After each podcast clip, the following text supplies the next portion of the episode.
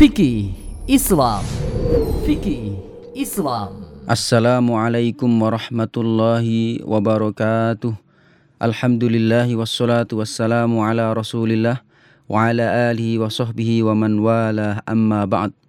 Pendengar yang dirahmati Allah subhanahu wa ta'ala Alhamdulillah pada kesempatan yang berbahagia kali ini Kita kembali dipertemukan oleh Allah subhanahu wa ta'ala Untuk senantiasa menambah wawasan ilmu agama yang penuh berkah ini Dan pada rubrik fikih Islam edisi kali ini kita akan sama-sama mengkaji salah satu pembahasan yang perlu kita ketahui dalam masalah ibadah, yaitu sebab-sebab melakukan sujud sahwi bagian yang kedua. Meneruskan pembahasan pertemuan sebelumnya.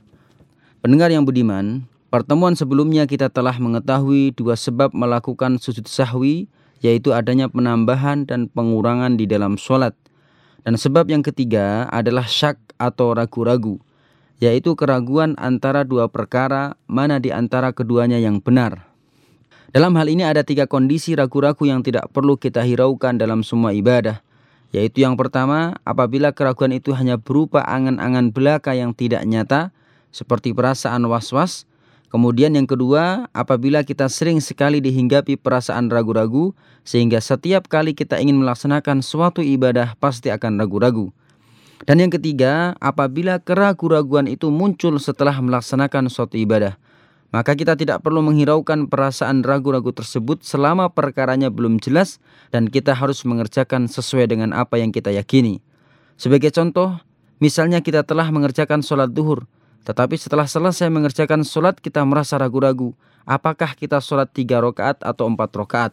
Maka kita tidak perlu menggubris perasaan ragu-ragu ini, kecuali bila kita telah merasa yakin bahwa kita memang sholat tiga rakaat. Apabila kita tahu bahwa sholat kita tiga rakaat dan rentang waktu dengan sholatnya tadi masih berdekatan, maka kita harus menyempurnakan sholat kita, lalu salam, kemudian sujud sahwi dan salam lagi.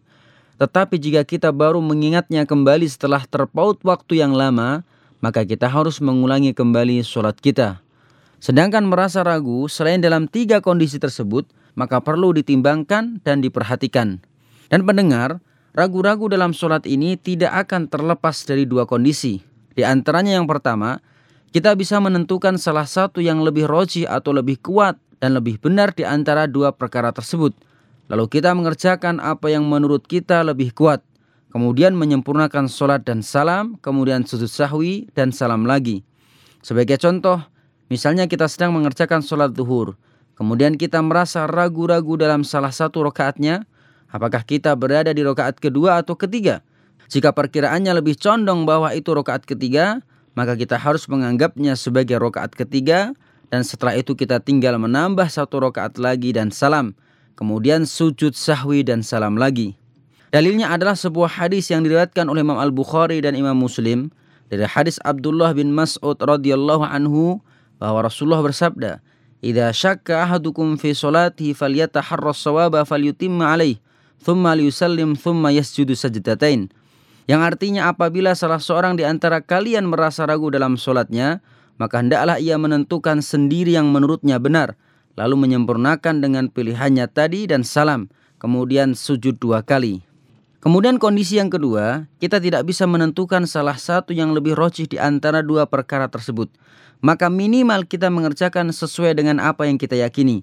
Kemudian menyempurnakan sholat sesuai dengan yang kita yakini tadi. Lalu sebelum salam sujud sahwi, kemudian baru salam. Sebagai contoh, misalnya kita sedang mengerjakan sholat asar, kemudian kita merasa ragu dalam salah satu rokaat. Apakah itu rokaat kedua atau ketiga? Dan kita tidak memiliki perkiraan yang paling mungkin, rokaat kedua atau rokaat ketiga maka kita harus menganggapnya sebagai rokaat kedua. Kemudian mengerjakan tasyahud awal dan setelah itu kita tinggal mengerjakan dua rokaat lagi, kemudian sujud sahwi dan salam. Dalilnya adalah sebuah hadis yang diriwayatkan oleh Imam Muslim dari Abu Said Al-Khudri radhiyallahu anhu bahwa Nabi pernah bersabda, "Idza syakka ahadukum fi salatihi falam yadri kam shalla thalathan amarba'an falyatrahi syak wal yabni ala mastaqaina thumma yasjudu sajdatain qabla an yusallima. Fa in kana sholat khamsan syafa'na lahu sholatuhu wa in kana sholat itmaman li arba'in kanata targhiman syaitan. Yang artinya apabila salah seorang di antara kalian merasa ragu dalam sholatnya dan dia tidak tahu berapa rokaat dia sholat, tiga atau empat rokaat, maka hendaknya dia membuang keraguan tersebut dan hendaknya ia mengerjakan sesuai dengan apa yang ia yakini. Kemudian sujud dua kali sebelum salam. Jika dia ternyata sholat lima rakaat, maka sholatnya tersebut akan menjadi syafaat baginya. Sedangkan jika ternyata dia sholat tepat empat rakaat, maka kedua sujudnya bisa membuat marah setan. Sebagai contoh, apabila kita datang ke masjid untuk melaksanakan sholat berjamaah di masjid, sedangkan imam baru mengerjakan ruku, maka kita harus segera mengerjakan takbiratul ihram dan berdiri dengan sempurna, kemudian baru ruku. Nah, pada saat seperti ini maka kita tidak akan terlepas dari tiga kondisi. Yang pertama, kita benar-benar merasa yakin bahwa kita telah mendapatkan ruku bersama imam sebelum imam tersebut bangkit dari rukunya. Sehingga kita dikategorikan telah mendapat satu rakaat dan gugur kewajiban membaca surat Al-Fatihah. Kemudian yang kedua, kita benar-benar merasa yakin bahwa imam tersebut telah bangkit dari rukuknya sebelum kita mendapatkannya. Sehingga kita dikategorikan tidak mendapatkan rokaat tersebut. Dan kondisi yang ketiga, kita merasa ragu-ragu apakah kita telah mendapatkan ruku bersama imam sehingga kita dikategorikan telah mendapatkan satu rokaat. Atau imam tersebut telah bangkit dari rukuknya sebelum kita menjumpainya. Sehingga kita dikategorikan tidak mendapatkan satu rokaat. Jika kita tidak bisa menentukan mana yang lebih roji antara dua perkara ini, maka kita harus mengerjakan sesuai dengan apa yang menurut kita lebih roji tadi.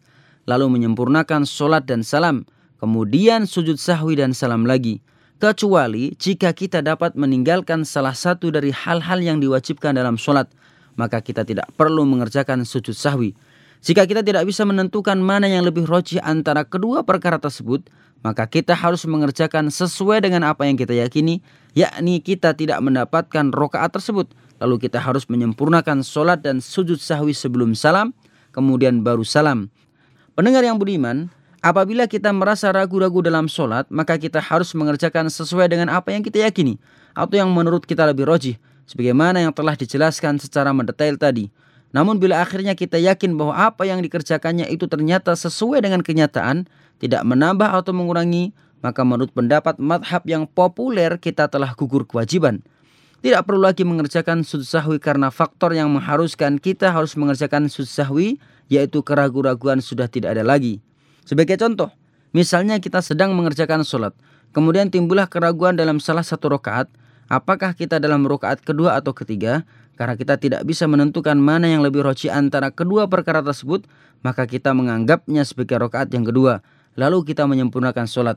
Namun jika akhirnya jelaslah bagi kita bahwa itu memang benar-benar rokaat kedua, maka menurut pendapat madhab yang populer, kita tidak wajib sujud sahwi. Sedangkan yang lebih roci menurut pendapat para ulama, hendaknya kita mengerjakan sujud sahwi sebelum salam. Pendengar yang dirahmati Allah Subhanahu wa taala, demikianlah penjelasan singkat tentang sebab-sebab melakukan sujud sahwi yang bisa kita kaji pada rubrik fikih Islam edisi kali ini. Semoga apa yang telah kita kaji ini bermanfaat dan menjadi wawasan keislaman bagi kita serta semoga Allah memudahkan kita dalam mengamalkan dan mendakwahkan setiap ilmu yang kita dapatkan. Amin. Wallahu alam wassalamualaikum warahmatullahi wabarakatuh.